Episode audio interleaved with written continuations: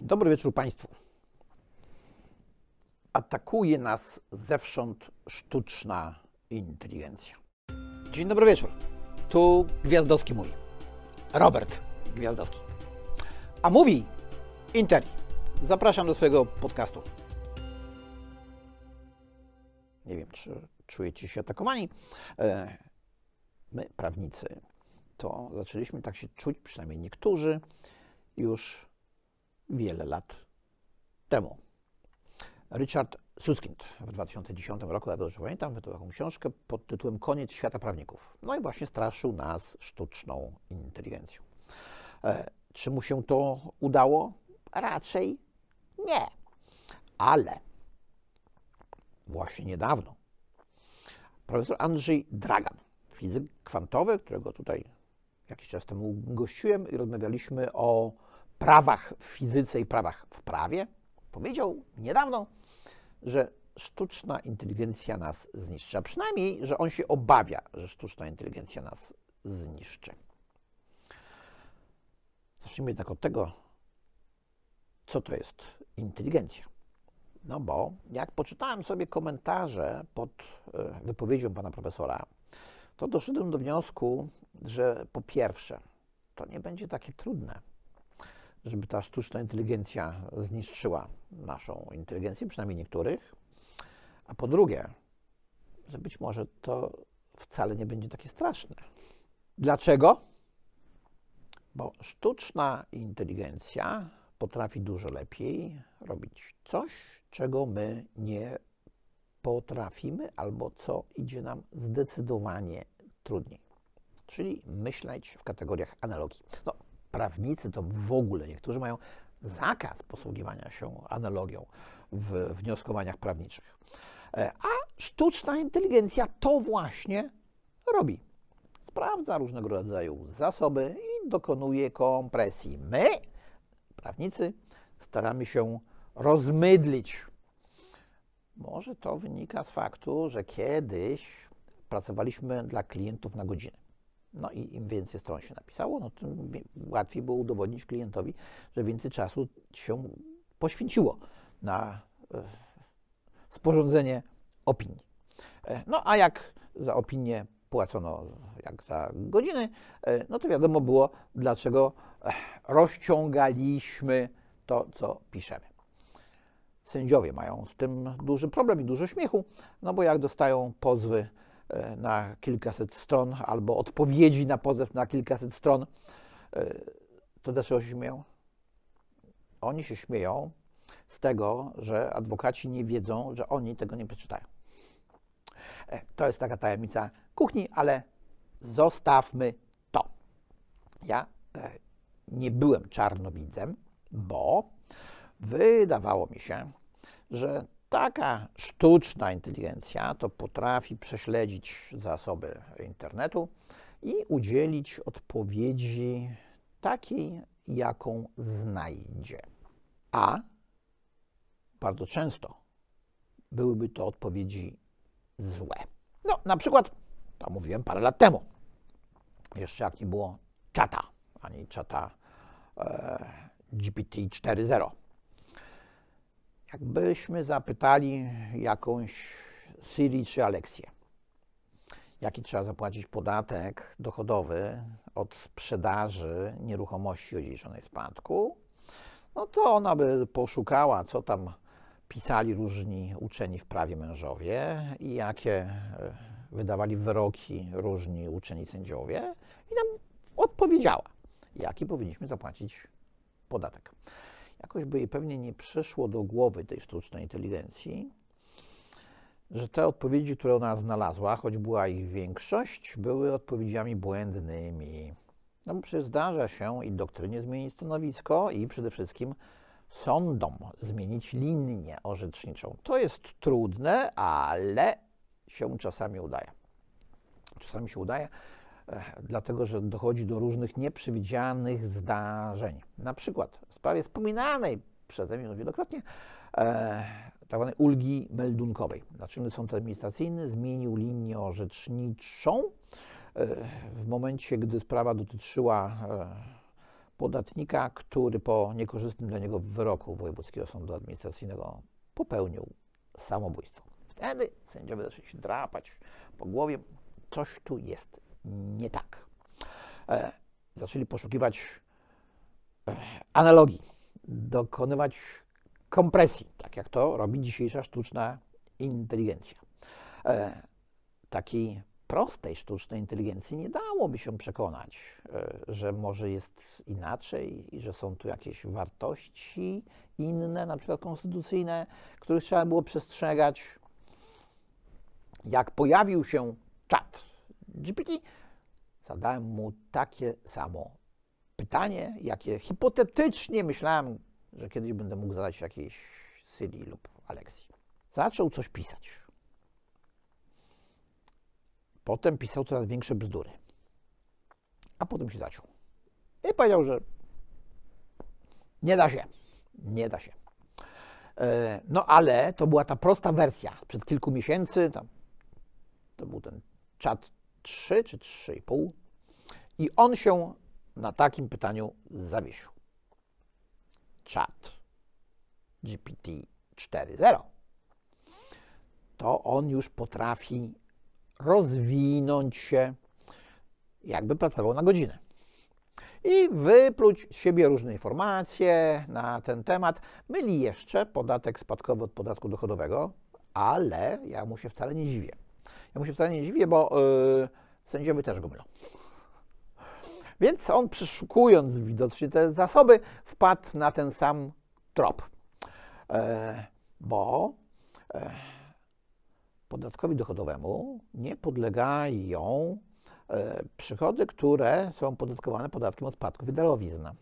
Przepisy w tej materii zmieniały się w 2007 roku i chat GPT-4.0 to już wie, że one się zmieniły w 2007 roku, że trochę inaczej było wtedy, troszeczkę inaczej było później, no ale to już było dawno temu, e, a przecież przedawniają się zobowiązania podatkowe po pięciu latach, e, no i na to jeszcze czat nas nie wpadł. Tylko. E, profesor Dragan w jednym z programów, gdzie tłumaczył, jak działają te algorytmy, zauważył, że potrafią się uczyć. Taki przykład rzucił, który do Państwa podam. E, zapytał czata, jaka jest odpowiedź na to pytanie. Koniec, kropka. Czat najpierw zwariował, bo nie bardzo wiedział, co odpowiedzieć, ale jak zaczął mu podpowiadać, że słowo jaka ma różne konotacje, no to czat mu odpowiedział, że może być krótka. Tak.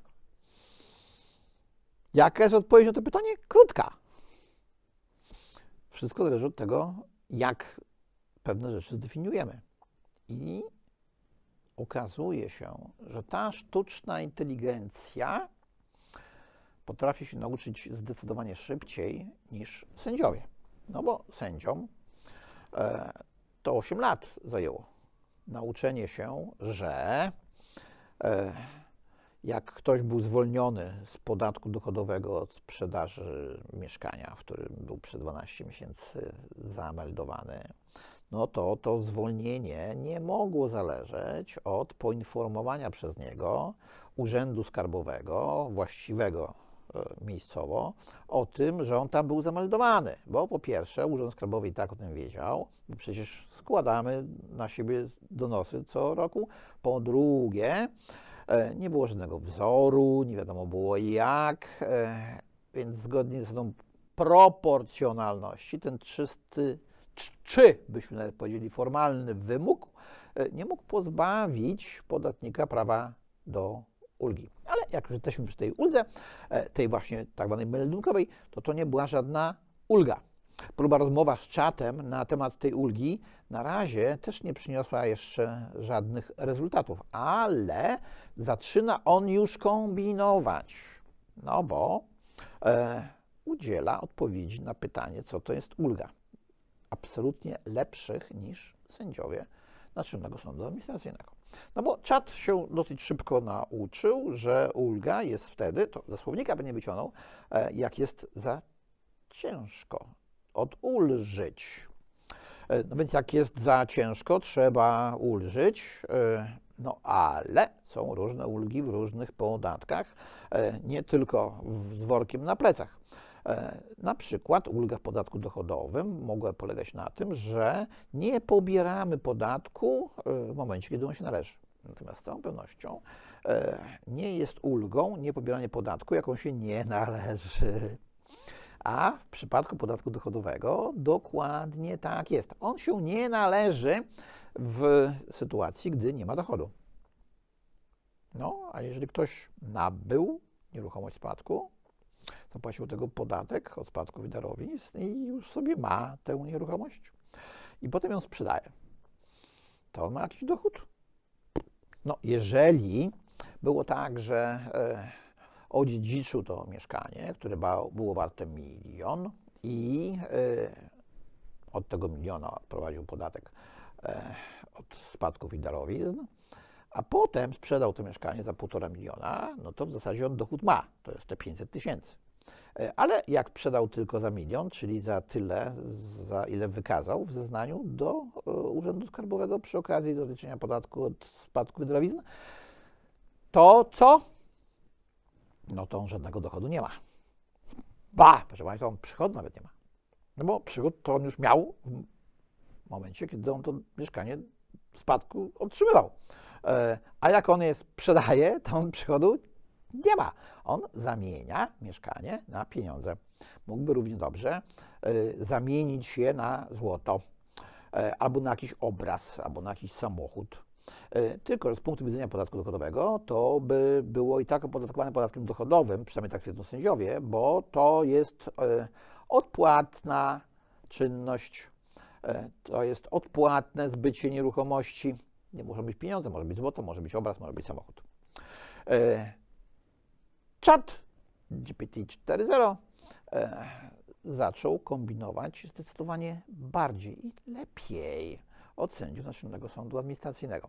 Ciekawe, czy oni dadzą się przekonać czatowi. No bo jeżeli się nie dadzą, bo prawnikom, kolegom prawnikom się nie dają przekonywać, e, to będzie potwierdzało tezę e, Richarda Suskilda o końcu świata prawników.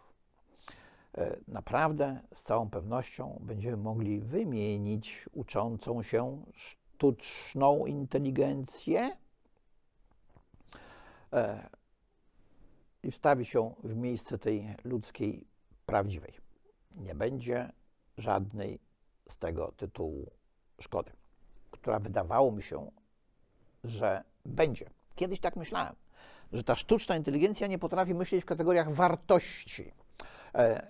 No bo jest takie pytanie, e, czy wartość ma wartość? Znaczy, czy wartość w sensie aksjologicznym ma wartość w sensie ekonomicznym? No i tu się okazuje, e, że czat e, GPT-4.0 leży. Próbowałem z nim gadać o tym, czy wartość ma wartość, to się nie udało. Natomiast dla prawników to nie wiadomo, czy wartość ma wartość. Oni bardzo często też nie wiedzą, znaczy zachowują się tak, jakby nie wiedzieli.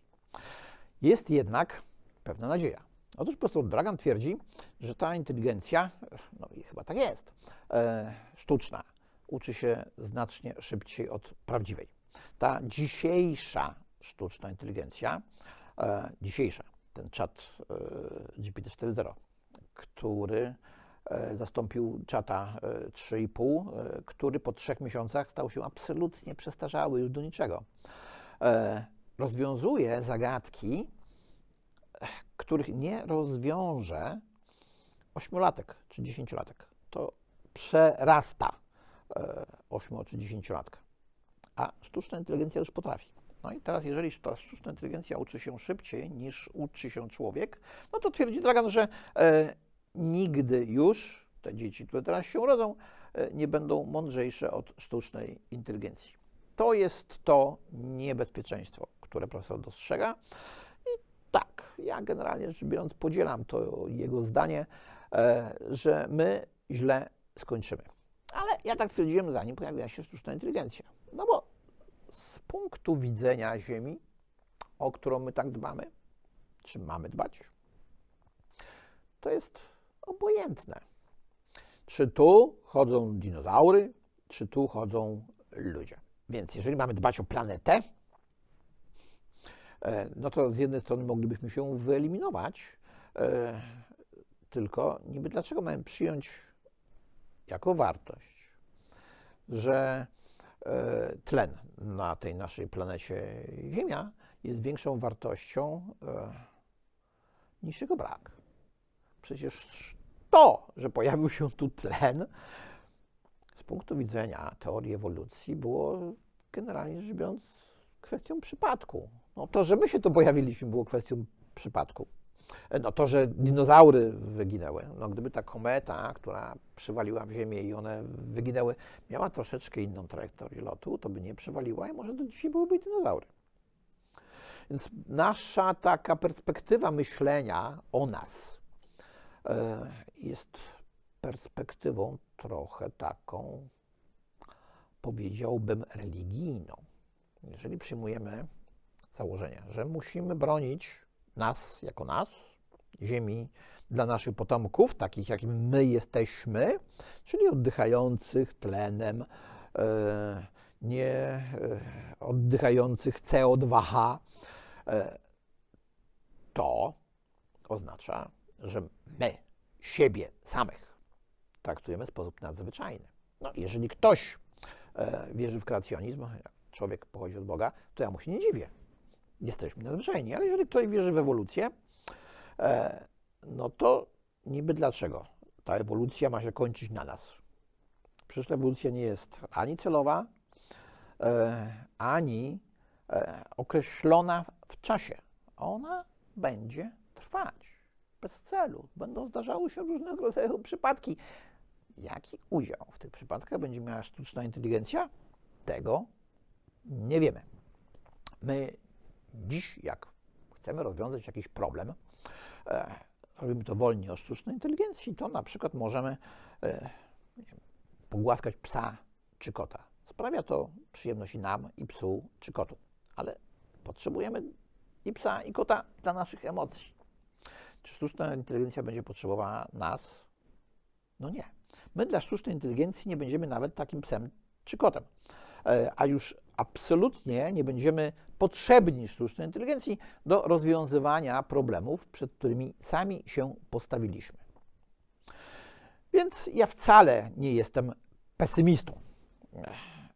Ja jestem, bym powiedział, e, no nie może lepiej poinformowanym e, optymistą, czyli pesymistą, bo ja pesymistą jestem od dawna.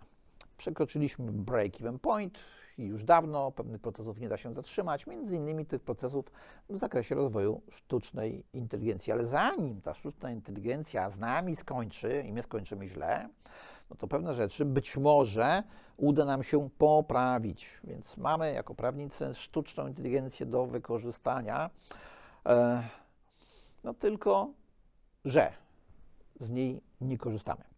A to może być naprawdę fajny gadżet. Fajny gadżet, e, który może być wykorzystywany tak jak dziś wykorzystujemy różnego rodzaju konsole do gier, czy różnego rodzaju inne zabawki. My dziś, jak korzystamy z czata i zadajemy mu jakieś pytania, e, to w większości przypadków nie stawiamy sobie pytań egzystencjalnych, a jak to się dla nas skończy, a czy to jest niebezpieczne. Taki sposób myślenia charakteryzuje niewielu z nas. No ale no to znowu jest tak, i tak zawsze było, że to niewielu z ludzi myśli inaczej od całej reszty, myśli bardziej kreatywnie, bardziej twórczo i to oni popychają tę ludzkość do przodu cały czas i cały czas i cały czas. E, I to jest ponoć złe. To jest ponoć złe. Tych ludzi należy ograniczyć. Należy ich ograniczać dlatego, że łatwiej jest ich ograniczyć niż rozwinąć tych, którzy nie są tak rozwinięci. No, oczywiście nie chodzi o umiejętności intelektualne, ale chodzi na przykład o konsekwencje. E, konsekwencja polega na tym, że przecież ci mądrzejsi mają nie zarabiać zbyt dużo więcej, mimo że są o wiele bardziej mądrzejsi, mimo że dzięki temu, że są o wiele bardziej mądrzejsi, to o wiele więcej zarabiają. Myślenie egalitarne e, jest sprzeczne z rozwojem sztucznej inteligencji i jest w ogóle sprzeczne z rozwojem człowieka jako takiego. Myśmy się rozwijali dzięki elitaryzmowi, a nie dzięki egalitaryzmowi. Najbardziej e, korzystali ci, którzy byli najlepsi. Ewolucja to jest e, przetrwanie nie najmądrzejszych nawet, nie najsilniejszych, tylko najlepiej przystosowanych do zmian. E, więc owszem, ten intelekt jest ważny, ale co to oznacza najlepsze przystosowanie do zmian? Najlepsze przystosowanie do zmian oznacza, e, no właśnie, umiejętność kompresji myślenia analogicznego, wyciągania wniosków z tych analogii i dostosowywania się do sytuacji. Wiedzą to doskonale żeglarze.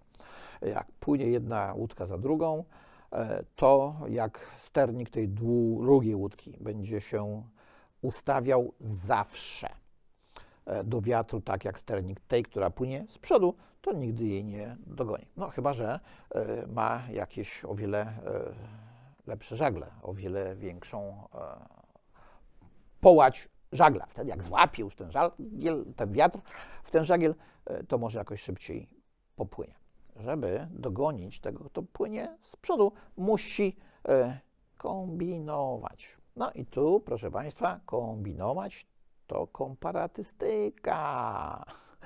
E, pojęcie kombinuje jest pejoratywne, a komparystyka jest pojęciem kreatywnym. No więc ja uważam, że kombinowanie jest też takim pojęciem kreatywnym, a nie e, pejoratywnym.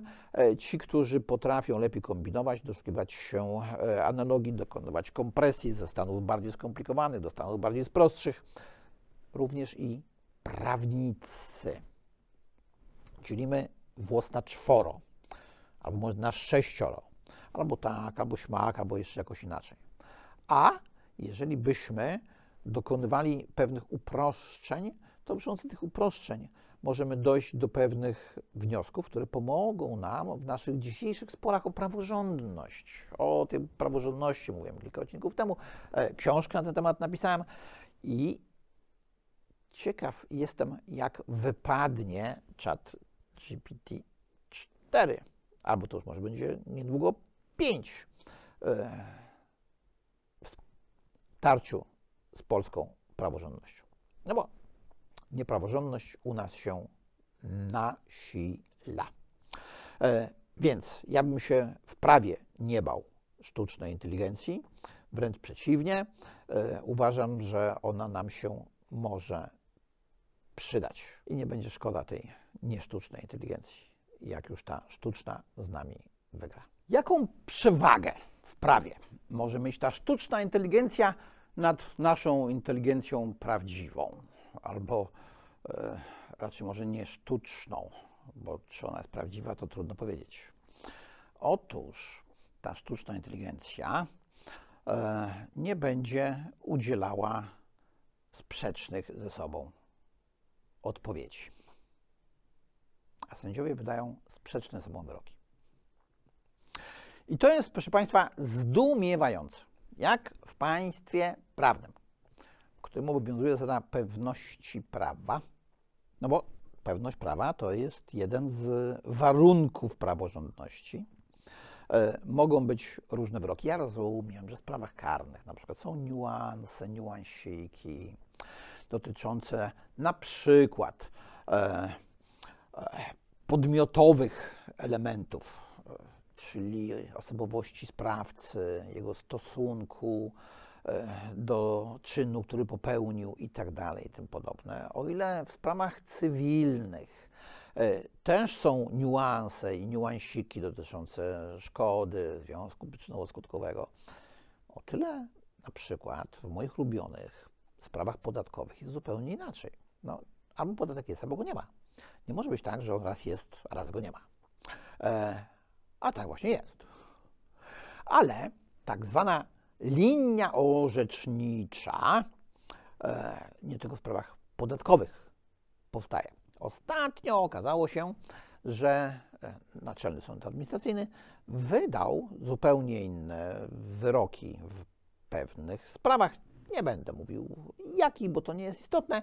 E, inne niż Naczelny Sąd Administracyjny w innym składzie wydawał prawach wcześniejszych. No, E, tak mi się na zdrowy rozum wydaje, e, że ten czat e, GPT-4, 5 czy 10 to pewnie jakoś by to uzasadnił. Dlaczego zmienił zdanie? Jeżeli nauczyłby się zmieniać zdanie. Sędziowie nie uzasadniają. Znaczy, uzasadniają swoje racje, ale nie odnoszą się do racji przedstawionych przez kolegów. No i teraz mamy taką sytuację, że ktoś ma wyrok taki, a ktoś ma wyrok inny.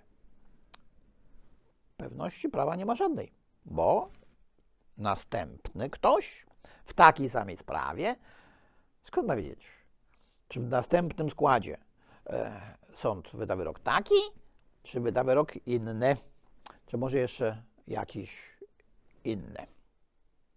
Więc z całą pewnością e, może nam się sztuczna inteligencja kolejnej wersji czata e, przydać w rozwiązywaniu tego typu problemów, jeżeli e, mamy budować państwo praworządne, czyli takie, w którym rządzi prawo, a nie widzimy się. Nie widzimy się ustawodawcy, nie widzimy się urzędnika, nie widzimy się sędziego. Tu pojawiła się kolejna dzika awantura. E, dzika awantura dotyczy e, uchwały Izby Pracy i Ubezpieczeń Społecznych Sądu Najwyższego, który stwierdził, że regulacje prawne mówiące o tym, że w drugiej instancji e, sprawę może rozpoznawać na podstawie przepisów covidowych jeden sędzia, e, są e, sprzeczne, generalnie rzecz biorąc, z konstytucją, przez co postępowania takie są nieważne. Ja osobiście uważam, że lepszy jest skład trzyosobowy w drugiej instancji niż jednoosobowy, no bo niby przy pomocy jakich kryteriów mamy powiedzieć, że ten sędzia w drugiej instancji jednoosobowo, to on jest już o tyle mądrzejszy od tego sędziego, który orzekał w pierwszej instancji, bo go awansowali wcześniej do sądu drugiej instancji, że na podstawie tej decyzji o tym awansie, to on już może powiedzieć, tamten wyrok do kosza, ja tu mam lepszy. No, może ten wyrok uchylić yy, i przekazać sprawę do ponownego rozpoznania, ale może zawyrokować też samo. To, że w systemie anglosaskim tak się często dzieje, to jest zupełnie inne parakaloszy, bo my nie funkcjonujemy w systemie anglosaskim, my funkcjonujemy w Polsce. Tylko, że oczywiście jest problem także ze składami trzyosobowymi. E, no bo na przykład wśród e, kolegów adwokatów e, panuje takie przekonanie, ja je podzielam, że sędziowie w sądach administracyjnych, których jest trzech, nie czytają akt sprawy. I generalnie rzecz biorąc, podejmują, e, wydają wyrok taki, jaki zasugeruje sędzia sprawozdawca. E, ja mam nawet na to pewnego rodzaju rozwiązanie, ale jakie to jest rozwiązanie, to opowiemy kiedyś z Markiem Isańskim z Fundacji Praw Podatnika, z którą to fundacją często współpracuję i wydaje mi się, że fajnie będzie jak o niektórych rzeczach e, porozmawiamy wspólnie. Teraz tylko taka e, woli zasygnalizowania, żeby już włożyć kij w szprychy.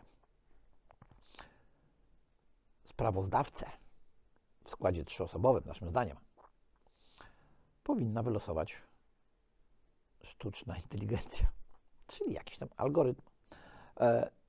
Przed samą rozprawą. No bo sprawozdawca musiałby być przygotowany.